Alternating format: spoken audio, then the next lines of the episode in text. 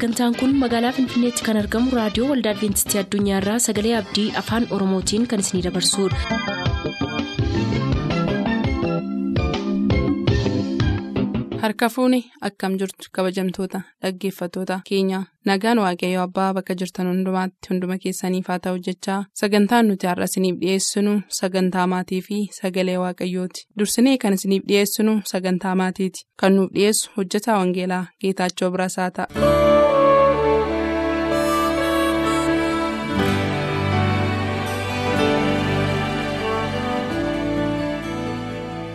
Dhaggeeffattoota keenyaa akkam jirtu kun sagantaa maatii raadiyoo adventistii irraa isiniif darbaa jirudha.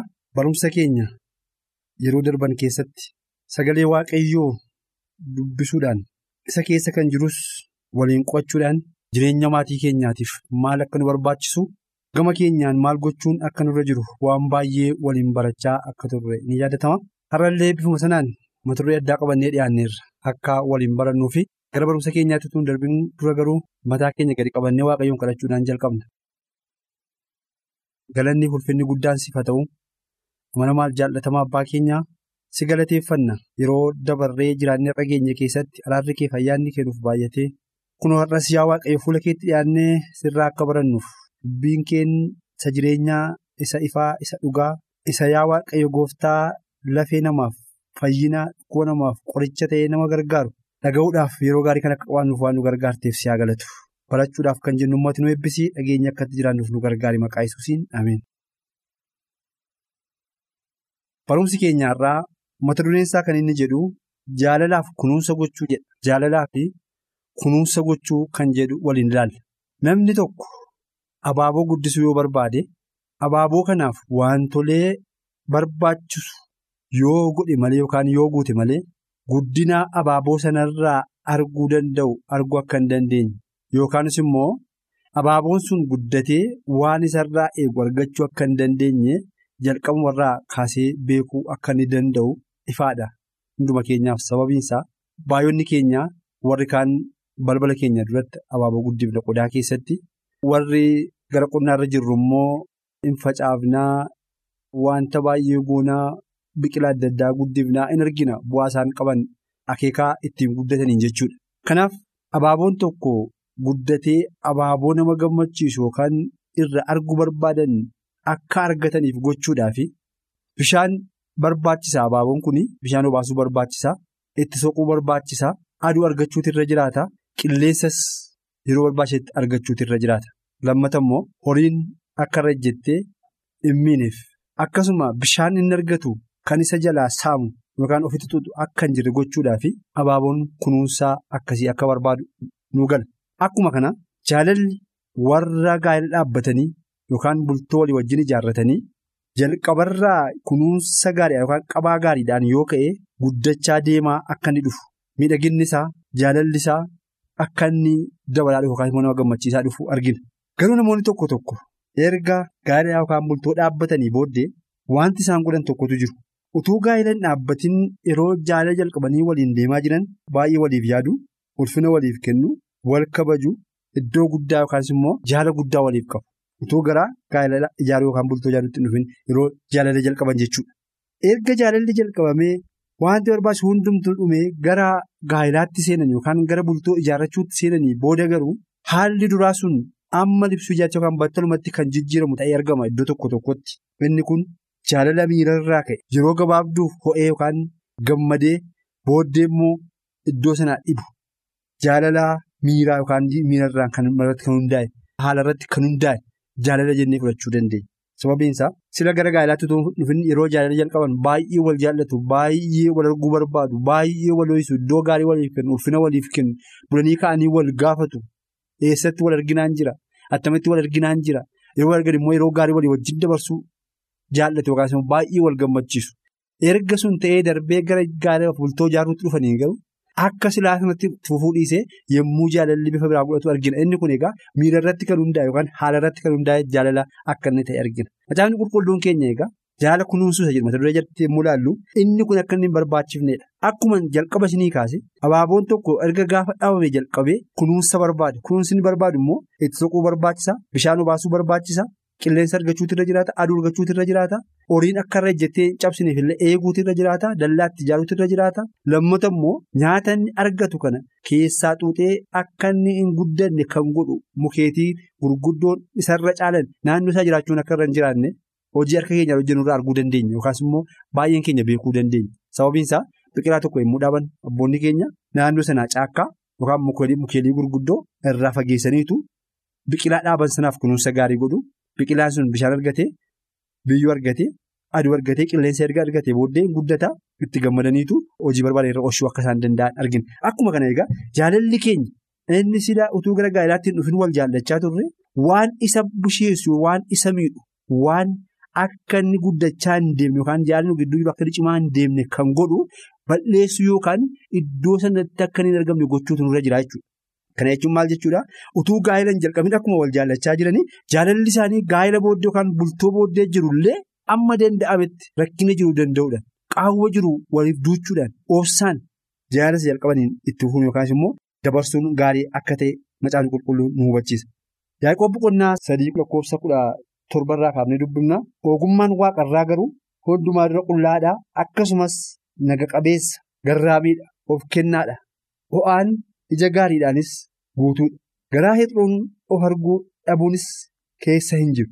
Karaasaa warra nagaa buusanii fi sanyiin ija qajeelummaa kennuu nagaadhaan hin facaafamaa jedha nuyi namoota samiif kaadhimamne yookaas immoo namoota biyya keenya isa waaqarraatti galuudhaaf yerusaalem haaraa keessatti jireenya jalqabne kanaan wal dhaabnee wal cimsinee walii wajjin kadhannee walii wajjin tajaajillee iddoo sanatti immoo lafa baraabaraan jiraachuun irra jiru jiraachuudhaaf kan wal qopheessinu ta'uudha inni jalqaba bultoo dhaabuun akka biyya lafaatti jireenyuma fooniitti walii wajjin gammadanii yeroo yartuu walii wajjin jiraatanii kan gargar baanu hin ta'in har'aan lafarratti amma jirrutti jiraannee akka.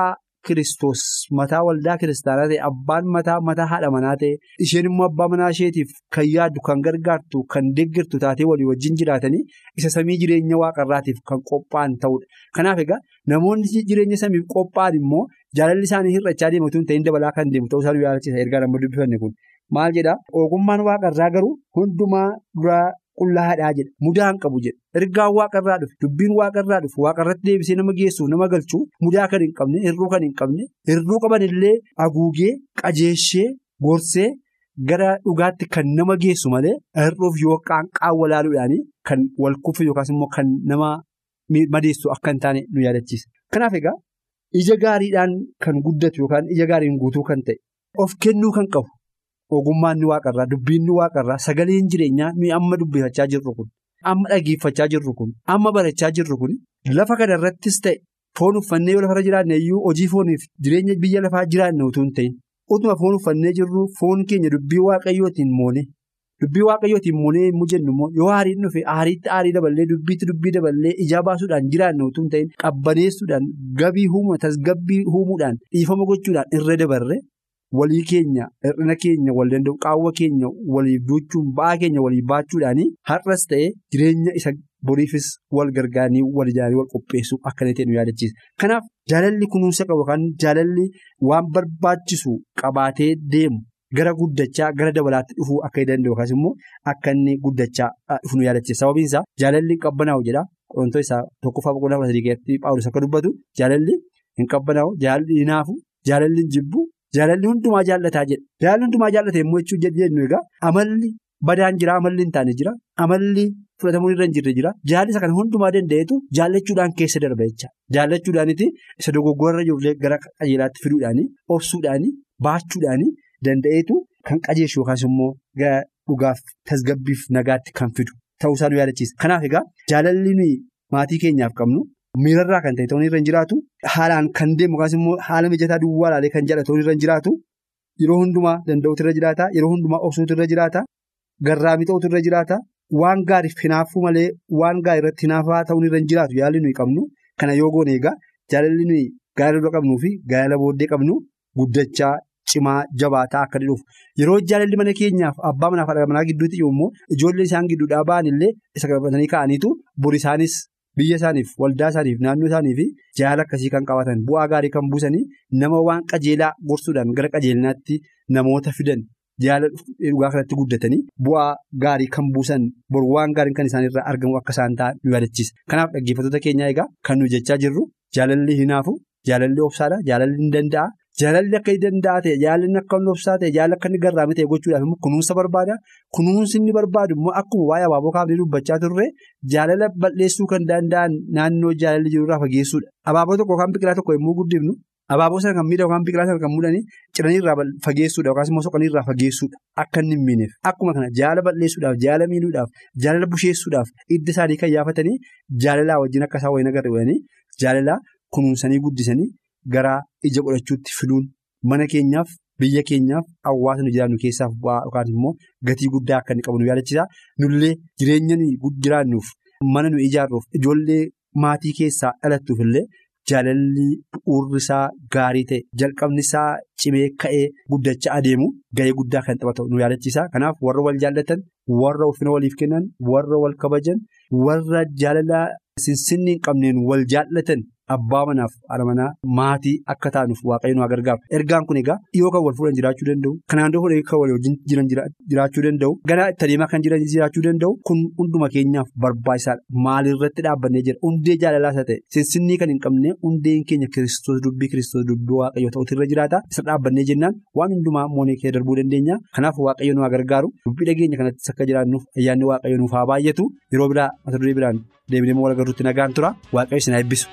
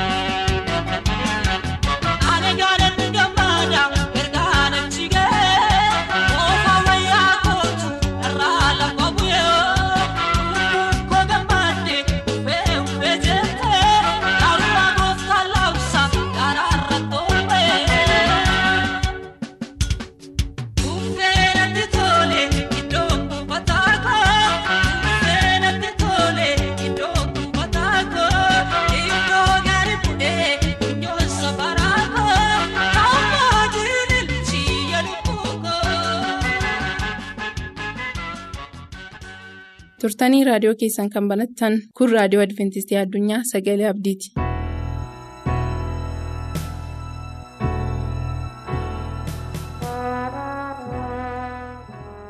akkam jirtu dhaggeeffatoota nagaa isin gaafachuun daganne kunoo amma immoo sagantaa yeroo kanaa irratti hammuma sadarkaan kee dabalaa deemu yookiis hammuma olka'iinsa kee dabalaa deemu carraan kufaatiis baay'achaa deema waan jedhuun wal argineerra ee kutaa kana jalatti wantoota garaa garaa utuun ilaalin mataa keenya gadi qabanne waaqayyoon kadhanna. abbaa hundumaa gararraa jirtu. baroota keessatti namoonni sadarkaa adda addaa keessaa darbanii mootummaa keetiif akka qophaa'an gochaa turteettaa sadarkaa qorumsaa hundumaa keessas namoota dabarsitee ragaa nuuf laatteettaa ammas nus biyya lafaa keessa waan jirruuf sadarkaa adda addaaf gulantaa adda addaa irratti kufaatiin nu mudata kanaaf dadhabbii keenyatti jabina nuuf taatee sadarkaa hundumaa keessatti si wajjin ta'uu akka nu barsiiftuuf ayyaana nuu baay'isi maqaa yesuusiin. Ameen. dhaggeeffatoota sagalee kana yommuu dhageessan sadarkaa keessa darbitan hundumaa akkasiin yaaddan isinin yaadachiisa. Hammuma sadarkaan ol ka'iinsa keetii dabalaa adeemu carraan kufaatii keetiis baay'achaa deema. Yaada jedhu jalatti fakkeenyota lamaan sadan tokko kitaaba qulqulluu keessaa qabannee dhiyaanneerra ee namni biyya lafaa kanarra hamma jiraatutti sadarkaa garaa garaa keessaa darbee gara sadarkaa tokkotti ce'a. yookaan immoo sadarkaa gadiirraa gara guddaatti yookaan immoo guddaarraa gara gadiitti jijjiirama agarsiisa. Yeroo haala kana hundumaa keessa jiraannu jijjiirama amalaa garaa garaa agarsiisuu dandeenya ta'a. Yeroo kana haalli nuyi keessa jirru hariiroo nuti waaqayyoo wajjin qabnu irratti dhiibbaa yeroo nuti geggeessu argina mee kutaa macaafa daani'eel raajichaatti yommuun isin deebisu seenaa daani'eeliin milluu tokkoon isin daawwachiisuu fayyaala. Daani'eel dargaggeessa ibrootaati. garuu booji'amee biyya baabiloon seene. Hamma inni bakka kana turetti waaqayyo ayyaana isaaf baay'isuudhaan carraa barnootaa sadarkaa olaanaa argate akka inni itti fufu godhe. Kana hundumaa keessattuu rakkoon isaaf hiriyoota isaa yoo mudate iyyuu hariiroo isaa waaqayyo wajjin godhachuuf murtii cimaa yookiis tarkaanfii cimaa fudhateera daani'el boqonnaa lama guutummaa isaa yommuu qorannu akka inni abjuu mootiin abjuu'ate hiikee fi. abjuu hiikuu duwwaa utuu hin taane abjuu isa jalaa badee ture saniyyuu akka isa yaadachiise kan dagatamu miti. Kana gochuu isaan immoo gara sadarkaa guddaatti muudameera sadarkaa gadiirraa gara sadarkaa itti aanutti jechuudha. Kana qofaas miti bara mootummaa daariyoosisitti fufee sadarkaa olaanaarraa akka inni ture eenyu duraayyuu kan dhokatu miti haa ta'u malee daani'el boqonnaa ja'a irratti ammas daani'el qormaata kan biraa keessa seenuu isaa argina. qormaati kun qormaata waaqayyoon waaqessuu fi waaqessuu dhiisuuti. Ni waaqessita moo yookiis in dhiifta kan jedhu qormaata akkasiiti? Sadarkaa adda addaa keessa yommuu darbaa deemnu hariiroo nuyi waaqaa wajjin qabnu akka addaan cituuf qormaata adda addaan nu dhiyaata. Hanga guyyaa soddomaatti nam hundumtuu mootii malee waaqayyoon waaqessuu akka hin qabne kan jedhu karoora ba'e ammoo utuu ana yookiinis hin ta'e maaltu nutti dhaga'ama laata sadarkaa guddaa akkasiirra haala cimaa akkasii keessa ta'anii. mootii malee waaqayyoon waaqessuu hin qabdu yoo kanaa achi sadarkaa kee gadhiifta yoo jedhame deebiin nuti qabnu maal ta'a jettanii itti yaaddanii beektu? Daani'el boqonnaa ja'a lakkoofsa shan irratti akkas kan jedhu argina. Kana irratti jarri sun karaa wanta seera waaqayyoo isaatii ilaaluun yoo ta'e malee nuyi karaa ittiin daani'el irratti kaanu hin qabnu waliin jedhanidha meerran deebi'a. Daani'el boqonnaa ja'a lakkoofsa shan irratti. Kana irratti jarri sun karaa wanta seera waaqayyoo isaatii ilaaluun yoo. barbaanne malee nuyi karaa ittiin daani'el irratti kaanu hin qabnu. Yookiis hin argannu waliin jedhanidha. Iddoo kanatti kan nuti arginu daani'el karaa seera waaqayyoo isaatii qabamuu akka inni danda'u mari'atame. Daani'el guyyaatti al sadii waaqayyoon kadhachuu amala isaati garuu kan jedhame amma guyyaa soddomaatti namni waaqayyoon kadhachuu hin danda'u yaada jedhudha murtiin jiru garuu yoo sana ta'e maaltu ta'a? kan jedhuuf gaaffiin yoo ka'e. taayitaarraa buufamuu qofa utuu hin taane wanti murteeffame boolla leencotaa keessa buufamuudha. Yoo iyyati jiru gara waaqayyoo dhiisee gara mootichaatti ta'uu baate wanti godhamuuf tarkaanfiin fudhatamu boolla leencotaa keessa bu'uudha yaada jedhu argina dhaggeeffatootaa yeroo ol ka'iinsi keenya dabalaa deemu carraan nuti waaqayyo irraa kufuuf qabnus babal'achaaf baay'achaa guddachaa karaa adda addaa kiyyoon xaxamaa yommuu adeemu. kufaatii keenyaaf sababa kan ta'u wanti baay'een nuu dhiyaataa deema maarree iddoo hojii garaagaraaf waajjiroota guguddaatti kan muudamne akkasumas akka daani'eliin sadarkaa barumsaa garaagaraa kan arganne kana qofaas miti dinagdeedhaan sadarkaa adda addaarraa gara kan biraatti guddachaa kan jirruuf kan guddanne utuu hariiroo waaqayyoo wajjin qabnu sakattaane hammam gadi fagoof cimaadha jettanii itti yaaddanii beektu. Daani'el murtii inni qabu waaqayyoo wajjin guyyaatti si'a sadii wal arguuf yeroo hundumaa beellamni inni qabu dhaabbataadha. Haa ta'u malee amma guyyaa soddomaatti hariiroo isaa kana waaqayyoo wajjin akka inni kutuuf karaa taayitaa isaa yookiis karaa guddina siyaasa isatti kenname akka inni kufuuf murtaa'eera. Yoo ta'es daani'el ciniinnatee waaqayyotti murate waaqayyo wajjin deemuuf murteesse. Mi'a immoo gara kitaaba saamu'eel isa lammaffaa boqonnaa kudha tokkootti yommuun isin deebisu achuma lakkoofsa tokkorraa kaasee yaadaan yommuun isin daawwachiisu keessumattuu lakkoofsa lama immoo nan dubbisa? Gaaf tokko gara galgalaa daawwiti iddoo ciisicha isaatii ka'ee bantii mana mootummaa isaatiitti ol ba'ee asiifachuutu adeemu.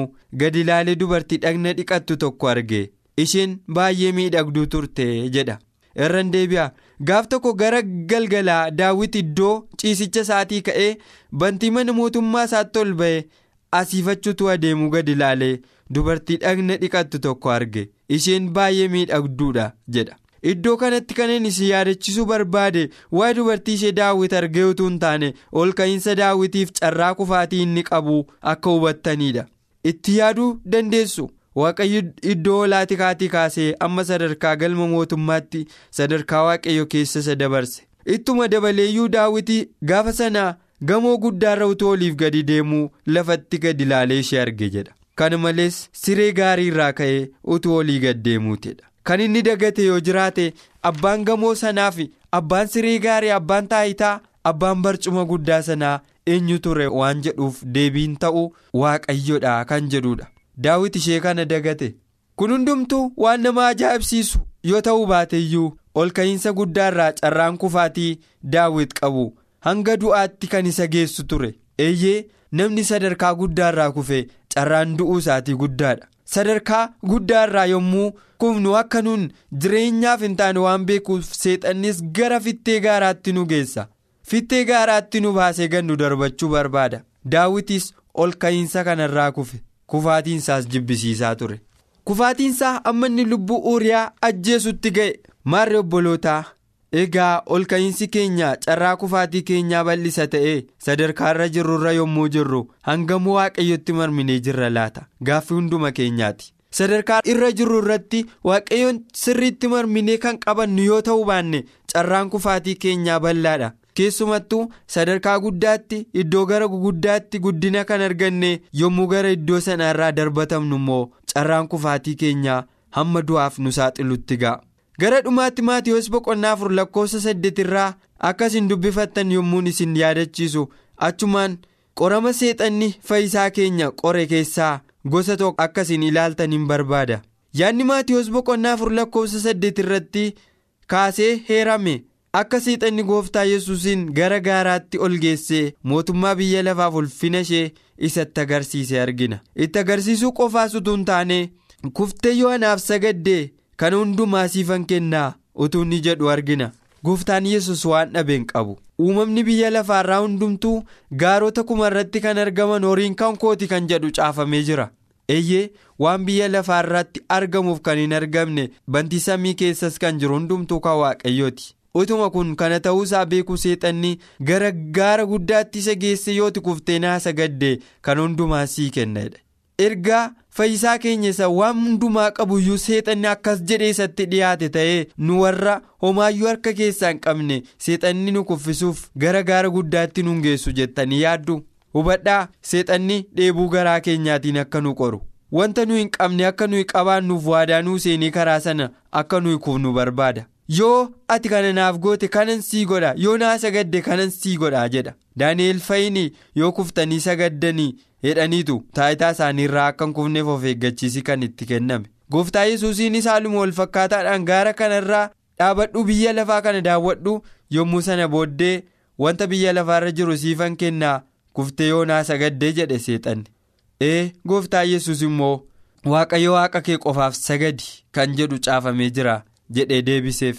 haala adda addaa keessatti sadarkaa adda addaa keessa jirru keessatti seexanni akka nuyi waaqayyoon dhiifnuuf qormaata kufaatii keenyaaf ga'aa ta'e qopheesseera. Mee sadarkaa fi iddoo garaa garaarra kan jirtan iddoo barumsaa manneen barnootaa adda addaa keessaaf taayitaa guguddaarra kan jirtan hariiroo kaleessa waaqayyoo wajjin qabdanii fi kanarraa wal bukkee qabaatii ilaalaa. Ammam inni fayyisaa keenya gara gaaraatti geessee qore sun yoo akkas naa goote malee akkasiin godhu jedhee yoo nutti tasaaseera ta'e iddoo kamitti akka kufneef iddoo kamitti kiristoos irraa gara booddeetti akka deebine itti yaannu ee amma sadarkaan keenya ol dabalaa deemu carraan kufaatii keenyaas baay'achaa deema kan jedhu jaalatti dhimma daawwitii fi akkasumas dhimma daani'el dhimma gooftaa yesuusiin mudate wal bukkee qabnee dhiyeessuu yommuu yaallu.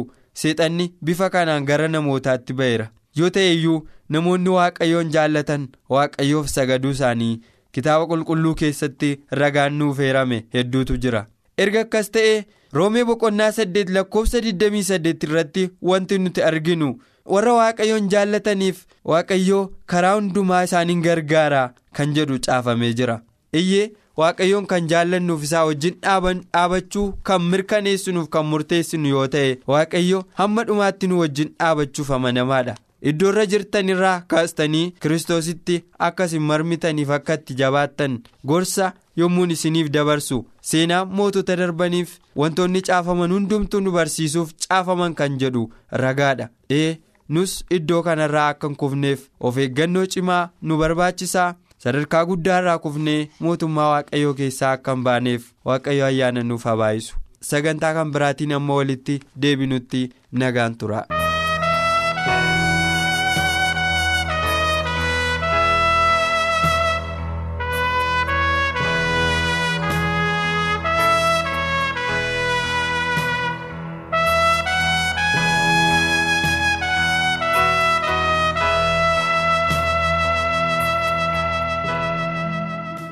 Sagantaa keenyatti eebbifamaa akka turtan abdachaa har'aaf kan jenne xumurreerra ammasitti nagaatti kan isiniin jennu qopheessitoota sagalee abdii waliin ta'uudhaan nuuf bilbiluu kan barbaaddan lakkoofsa bilbila keenyaa duwwaa 11 551 1199 duwwaa 11 551 1199 nuuf barreessuu kan barbaaddan ammoo lakkoofsa saanduqa poostaa 45 finfinnee lakkoofsa saanduqa poostaa 45 finfinnee.